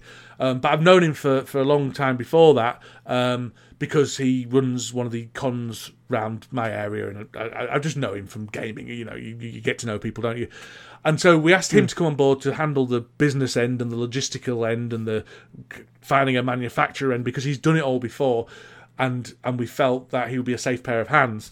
So it's kind of a between myself, Cora, Gary, and Mark. That's the kind of Cora Quest team, uh, and and and so and so he was he was well up for that. So we felt we could deliver it. We felt with Mark's expertise we could deliver it. We we we weren't. You know, we weren't getting out of our depth there because he knows what he's doing. Gary was happy to do all the art and stuff like that, so there was no initial outlay for that. Um, although obviously he he's an equal partner in, in the in the profits and things. But at that point, we didn't think there were going to be any profits. And and, and then and then that, I, I was happy to do all the marketing, and I've got the connections within social media and, and all that kind of stuff. So. We, we felt that there was no real downside. Like I said to you before, the, a lot of Kickstarters have a lot of initial outlay, but we were very lucky in that we had all the skills we needed um, within our within our team, um, and so we didn't need to spend loads of money getting that. Um, and so and so we thought, well, let's just go for it, see what happens. Really, see what happens. Are you ever gonna do it again? No, no, I'm never going to do that again. no, I, I, I enjoy I enjoyed the process. Um, Yes. but but um, no, no, I see no reason to do it again. To be honest, I, I've got I've got no ambition to be a board game publisher. If I wanted to be a board game publisher, uh, you know, but wanted to get involved in the industry, but I, I, I, value my job. I don't I don't want to be anything else other than what I am. Um, I'm I'm very happy the the game has got a publisher obviously because I'm I am interested in doing maybe some expansions for it because there's lots of room for expansions if if it's popular enough. Um, and and so keeping my hand in with that. But I only want to be involved with it as a designer not a publisher. Um, uh, doing a Kickstarter has been enjoyable. It's certainly not over yet. We've got all the, t- you know, my bit's just about over, in, as in the, the rules thing. I've, I've just finished a very intensive month or two, well, two months of replay testing, redeveloping, making sure it's just just absolutely polishing it up to a to a fine sheen to make sure. Because what I didn't want to happen is is all the we we we, we got ten 10 quests in in the book and what I didn't want to happen is is the first two quests be really good because um because they've been really well play tested and then all the rest of them just been kind of afterthoughts that have been thrown in to, to bulk up the the the thing because they're all stretch goals and things. So so I've I've, I've spent a lot of time polishing the rules and and and, and we we hired a. I mean, one of the things that the success of the Kickstarter did was we were able to um, hire a rules editor. And I tell you what, the difference between my rules and his rules. That's the best money I've ever spent in my entire life. It, it, it made me, you know, you really appreciate how I thought I'd done quite a good job, and then he got his hands on them. He ripped like five sheets of A5, four, you know, five sheets of paper mm. out of it, and and condensed it down. Yet made it made it better. So it's like, well, okay, yeah, yeah. Here's here's your fee. Take it. Thank you. Thank you. Take my money. but just take my A money. more. Yes. Yeah, no. So, What? No, no more money? Are you sure? so he he's been absolutely fantastic. Um, and Yeah. so so yeah, but no, I, I don't want to do it again. Um, saying that, I I also said I never would design a board game, so who knows? But but Yeah. but but it was an interesting experience, but it's been very intense, very intense. and and the life lesson maybe. Yeah, well, I, Uh, In some way. I like having these things under my belt. You know, I like I like having done Mm. things. I I'm a man of many projects, and I, and I like having done things. And I thought we're gonna round up with talking about other projects you have Yeah. done, if that's okay with you. Uh, you you've been in the podcast. This game is broken. Uh, or, or the that game is broken. This game is broken. I'm no, this. yeah. I, I, I wasn't just in it. I created it. That was my. It was Yes. my baby. Um, my baby. How did that start? Because that's a podcast about board games, but not about board games. Yeah, yeah. It- at that point in time, I was. Um, I, I think everybody gets to a point within their board gaming career, if you want to call it that, where you sort of know what you like. You have a collection of games that you like, and your purchasing slows down from three games a month, which it started off as, to one every couple of months um, maybe. You're, you're playing the replaying the games you've, you've got before, and you slowly start drifting out of board game media. You start drifting out of you're not watching quite as many YouTube videos. You're not watching as many reviews because you're not as interested in buying games as as, as before. Uh, and I, I thought board gaming has grown to such a such an extent. It's it's big enough now that we don't just need information pod, um, podcasts and, and content. We there's also room for entertainment um, within that as well. Um, so we don't just need to know about the new games coming out or top ten lists or or, or whatever. Um, I think there's there's space for entertainment and, and just something to enjoy um, that's related to the hobby. Now in the UK, there's a lot of these things called panel shows. I don't know if you're aware of it. It's like Taskmaster. Um, Yes. Yeah. We have that in Yes. Swedish as well. uh, yeah, yeah. Marcus was saying he, he's recently found all the Taskmasters on on. Um, yeah, Yes. um, and, and, and, and loads of radio panel shows and and, and, and Yes. all, all, all all sorts of it's, it's a huge tradition in of comedy within the UK is this panel show format, and and I thought, well, let's just steal that and, and use it on, on board games. And I was, I was very good friends with Matthew. Well, still am very good friends with Matthew Jude. Um, I knew the brothers Murph. I knew Dave Loser, all from kind of the board game media type stuff. So I thought, let's have a go at it. Let's have a go at it and, and, and, and see if it works. And it, and it did work. It's re- it's really good. It's still really good. It, it ended up being I was I created it. Um, and I was a producer, so I thought of all the games and all that kind of stuff. I did all the promotional stuff, the marketing stuff, and as I said to you before, marketing a getting people to listen to a podcast is an absolute nightmare. Um, Yes. um, yes. and, and it's not a particularly enjoyable process either.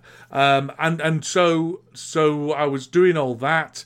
I was recording it. Um, Matthew was editing it, and and still is, and doing a fantastic job of that. But it just got too much. Got too much. It was it was it was taking over a lot of my free time.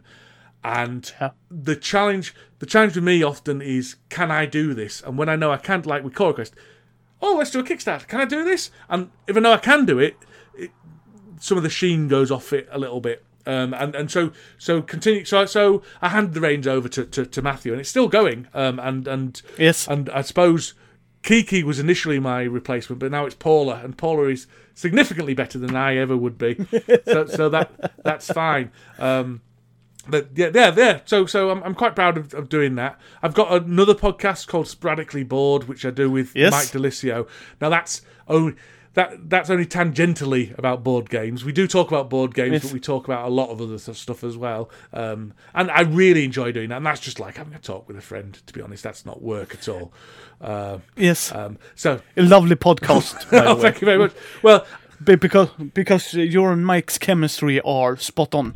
Yeah, It's like listening to two friends talk. You have the banter, you have the manner, everything. Love it. Yeah, love it. Uh, Love it. I, I, I love doing it as well, and, and and and the reason it's like two friends talking is because it's like because it's two friends talking is, is what it is. So it's my my opportunity to to catch up with Mike, who's one of my best friends, to be honest.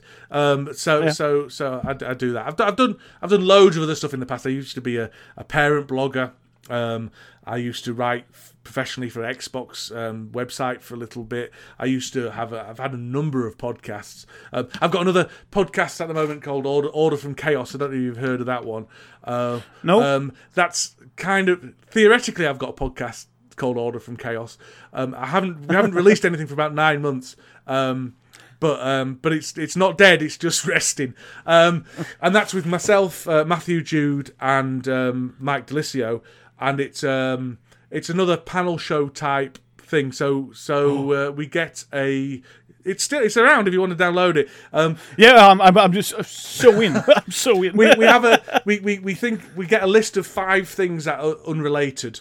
Um, so might be toenails, uh, Doctor Who, um, whatever. I I, I, I, I, Yes. could, I could five, five different things: um, escalators, uh, moths, and then we rank them about which one's best and which one's worse, and we just argue with each other about whether whether toenails are, are worse or better than moths, basically. I love it. I love So, it. so we use the um, you know, the um, ah, I can't remember what it's called now. It's a it's a it's a special ranking tool a lot of board gamers use. Uh, Oh, okay, okay, yeah. uh, um, where you compare yeah, one against each other, and, and so Yes. and so at the end of it, we get a list of of, of five things in, in order of best to worst, and so we've made order from the chaos of the universe, basically, is the thing. And, and we, we're all really keen to do more of that, but with Matthew working so hard on um, Watch It Played and This Game is Broken and, and Death by Monsters, and, uh, and Mike working so hard on the Dice Tower, it's only me who's got spare time, and, and I, I've been doing Cora Quest all the time, so we just haven't had time it's very hard to get, and also time zones. It's very hard to get time zones Yes. linked up. So, so that's why. That's why. Uh, but it's, Yeah. it- I'm but it's gonna- good. I, I, it's one of the favourite things I've ever done. I, I would argue it's better than this game is broken, but it's not about board games. It's just, just, just silliness. Yeah. yeah. I'm gonna put links in the show Oh, thank you for very much. people Yeah, so so they can uh, look that up. I thought we are gonna wrap this up Yep. because uh, I'm gonna have some dinner with my wife, Oh, that's late. and you, yes, yeah, but we are more of night Ah, persons. see. So uh, we usually want to end with uh, three tips, uh, ti- tricks, or about something. And I thought I'm gonna the top three kidsy games you wanna Oh, okay. get people to try. Um, I, I, I can do. I can I can try. Um, the we- we've actually got to do a top hundred kids games for the Dice Tower. Um, it was one of the stretch goals in the Dice Towers Kickstarter. So I'm I'm sort of not looking forward to doing that. Um, the the top three kids games now purely for kids. Or are you wanting family games as well? No, sorry, family, Family games, ga- but games you can play as a Play as a- family with kids. Yeah. Well, th- they are two different two different things. So I, will- I will I will give the ones that we play that to play as a family um, rather. Now the, my my I'm going to go the wrong way. My number one is Llama by Rainer Knizia. I don't know if you've played Llama by Rainer Knizia. No, Um, it's basically a slightly, but only very slightly, more complicated Uno. Um, it, it- Ah. it's, it's got there's- a lot of people don't like it because they think there's no um, no particularly decisions to be made or anything like that. Um, and there there are minimal. There are some decisions to be made. There's minimal decisions to be made.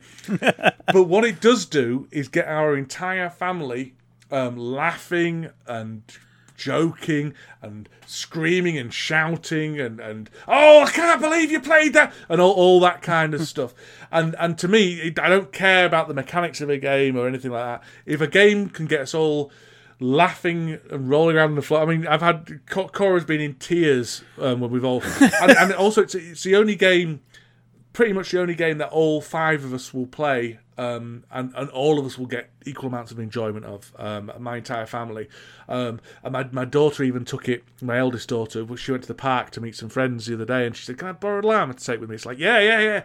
Um, so so. It's it's a great game. It's a great game. It's it's. I mean, Knizia, in my opinion, is is the the pinnacle of board game designers. Um, I think he's a, a marvelous man who, who who can design really elegant, simple games which really pack a punch, and I, I, I love him for that. So so so Llama. Now, if you if you so that's a the kind of family game. If you if you're into if you want to play a game with younger kids, um, there's a game called Lumina, which is um, published by HABA. Um, I'm assuming it's still in print. It probably is because it's not that long been out, uh, only a year or two, and it's a competitive game. But it's a competitive game that kids will have the edge on, and I think that's really important. Um, um, because a kid will confidently beat an adult when the adult's trying as hard as they can. And the reason for that is it's, it's a movement game. You're moving around a board, and you've got to try and get to a certain location to pick up a, a treasure or whatever. But the way you move around the board is by uncovering a tile with a picture of that um, of, of the space in, and the, as soon as you've uncovered it, and then your turn's over, you flip the tiles back over. It's a memory game, which means that kids have got incredible memories and Yes. adults have generally not got incredible memories, and and, Yes. and so and so uh, a, a- kid is able to compete on an equal, if not higher level, to an adult because they're much better. But it's better than the normal memory game where you're just having to pair up things because it, it's just more tense and exciting.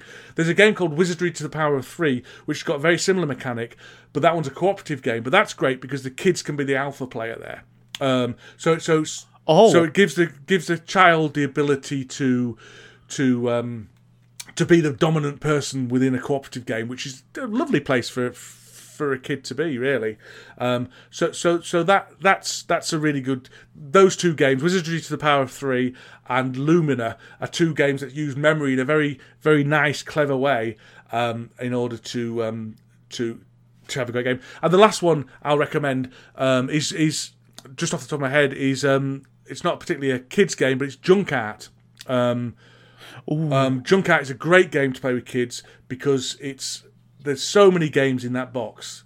Um, because there's all the different variety of, of of different. It's a stacking game. It's a it's you know, and and often people will recommend Animal Upon Animal for for children. I, I don't think that's a very good example of a good game for kids because because smaller kids might not have the manual dexterity for Animal Upon Animal and things like that. But Junk Art's just a, that touch easier than Animal Upon Animal, and it's, so the variety in that box is fantastic. And so um, so so Junk Art is the, the the the last one. So they're ones that you should be able to pick up. I think you can pick up Junk Art now, or is it out of print? I can't remember.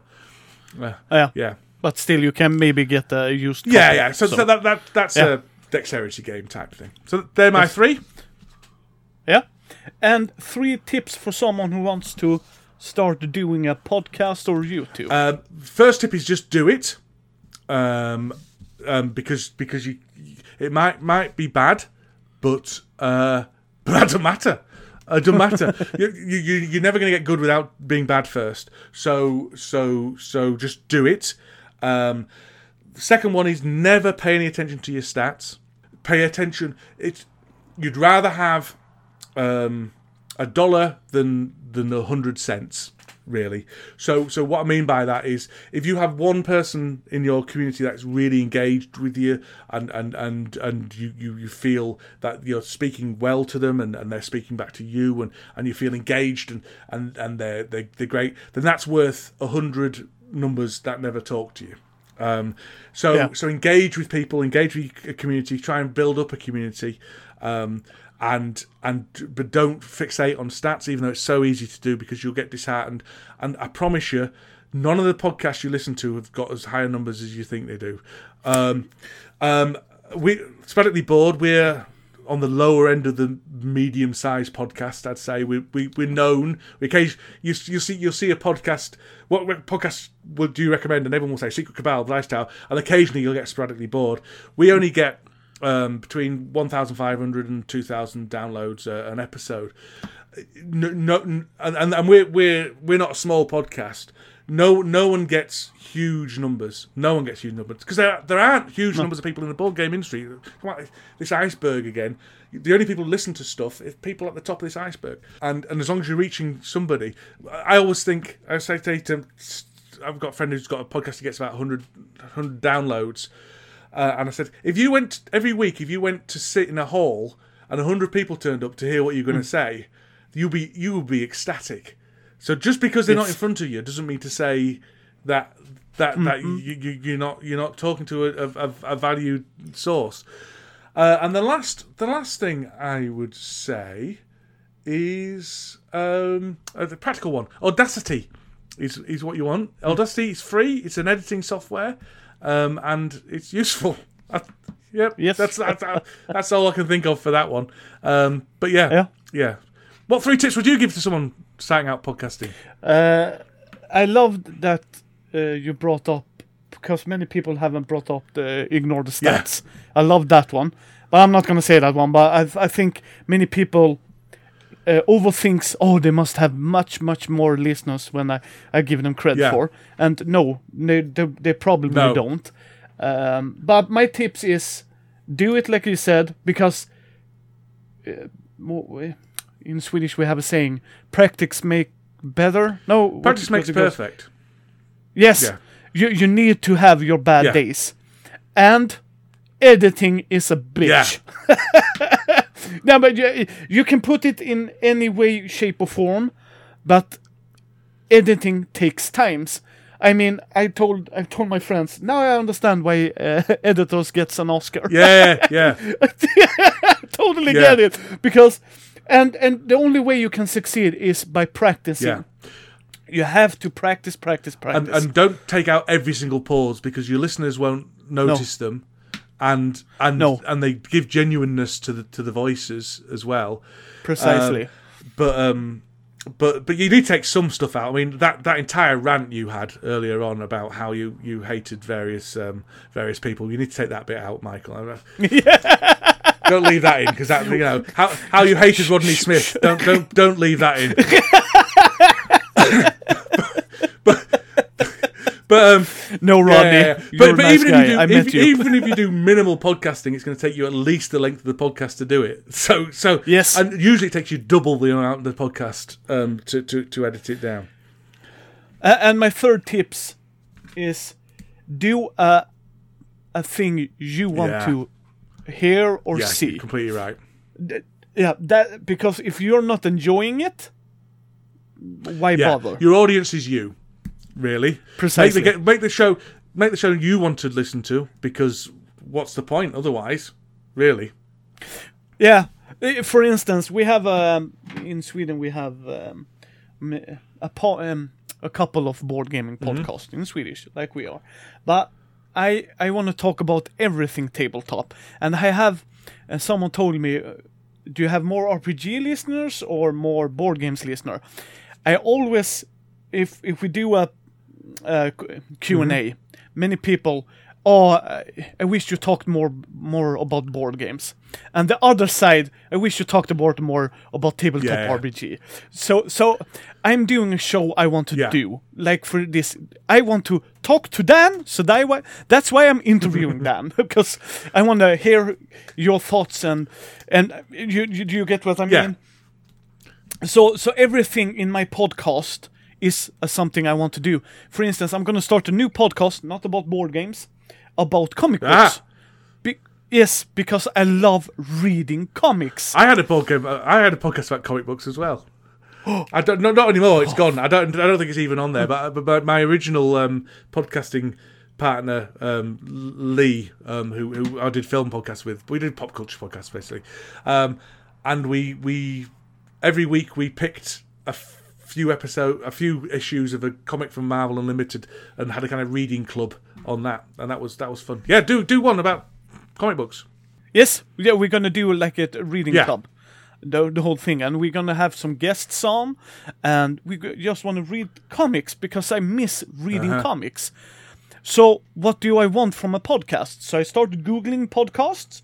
Mm, no, it's not my style. It's nothing wrong what Yeah, I yeah. do, but I just want to talk about comics. I don't want to talk about movies or anything comics. That's what I want to talk to, talk about. So, so that's that's my biggest tip.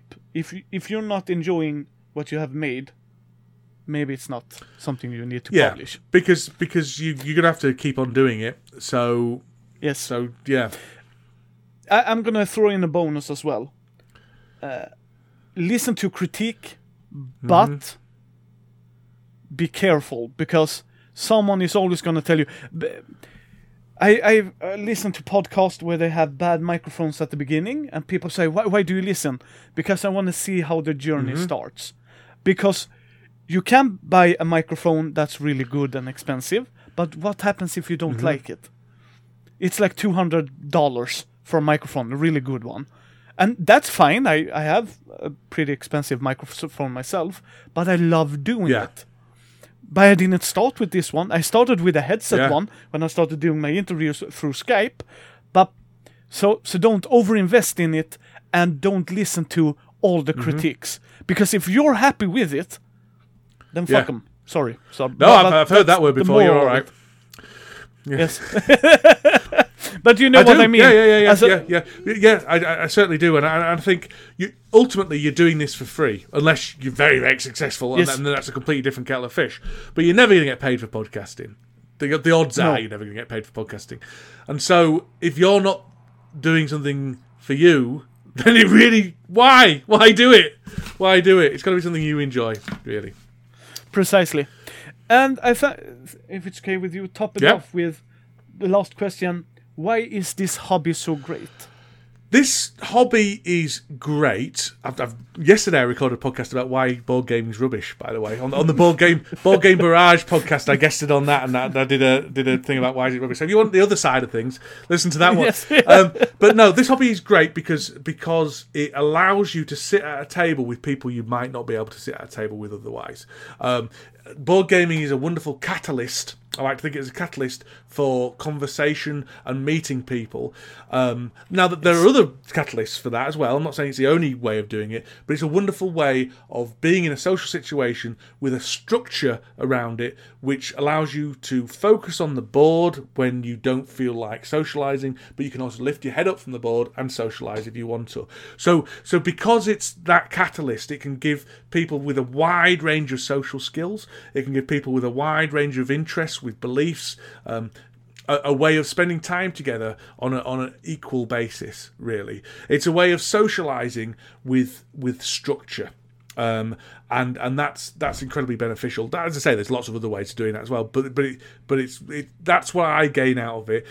What I gain out of it is a social life, um, really. Um, and I'm not saying I wouldn't be able to get a social life anywhere else, but but yeah, it's it's it's the being with people that I like, which is why I've not really enjoyed doing it over online and things like that with with COVID and things like that, and why after a year of this, I'm desperate to get back out and into somebody's house. Preach. Um, You're preaching. uh, in the north of the UK, we've been in lockdown for an entire year. I've, there's only two weeks. Oh. There's there only two weeks of the year that I was allowed to go to somebody's else's house, basically.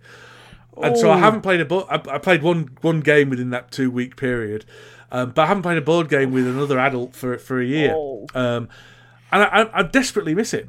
Desperately miss it. Yes. Um, I, I, and the fact that after a year away from it, although I've been playing with my kids and I've, I've been board gaming, you know, to Cora Quest and all that kind of stuff, after a year away from it, the fact that I'm jonesing for it so badly just goes to show how how important that, that hobby has been to me. Because normally hobbies come and go out of my.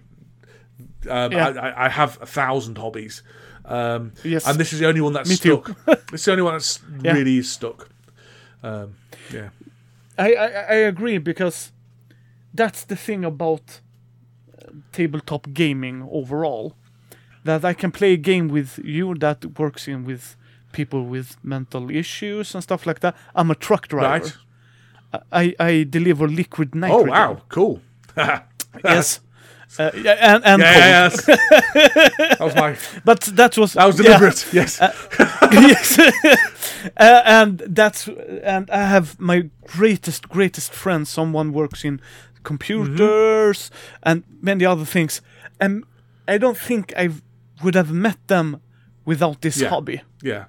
because we are so different in our work ethics or uh, or backgrounds. I, I I grew up poor. Some of my friends didn't. They are much higher in the social economics class, so so to speak. So uh, it really comes through because we all have a common hobby in this, the common joy Yeah. for the game. And, and I have instances. My wife asked me, "What does he do do for work?" I don't know. Why? I don't talk work with Yeah. Dan. Is he married? Uh, I don't know. Maybe. Does he have kids? Yeah, I think he has kids. Cause he he cancelled one time to go to a football practice. So yeah, yeah, I think he got kids. And then you ask Dan, but no, I don't got kids. That was my nephew. Oh, okay. Why do you ask? Ah, my wife wondered.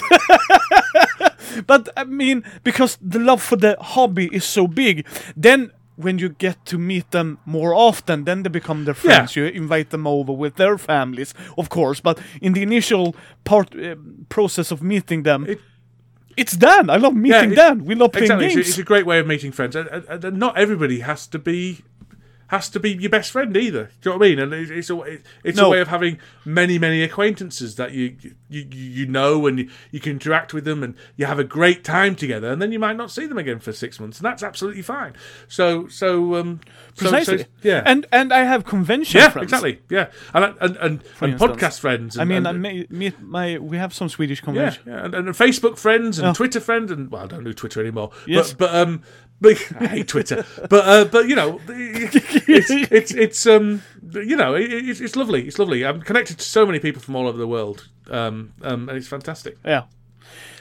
Thank you so much, Dan, for taking your time to have a chat No, with me. no worries, no worries. I'm very much looking forward to meeting you in 2022 at Essen. Um, you can pull up with your liquid nitrogen truck and uh, see if you can get that in the car so park. No worries, no worries. And if you want to hear more from Dan, there are going to be links in the show notes to his different Yeah, podcasts. sporadically bored is probably the best place to go and see me. Um, that's where I'm most consistent, bizarrely. Yeah. Tack för att ni har lyssnat på Mindys bräd och rollspelspodd. Ni hittar oss på mindy.nu eller på Mindys bräd och rollspelspodd på Facebook, Twitter, Instagram, Youtube. Ge oss gärna ett betyg på vår Facebook-sida eller på vår iTunes så att fler kan hitta oss. Vill ni stötta oss, ta en titt på vår Patreon så hörs vi nästa gång.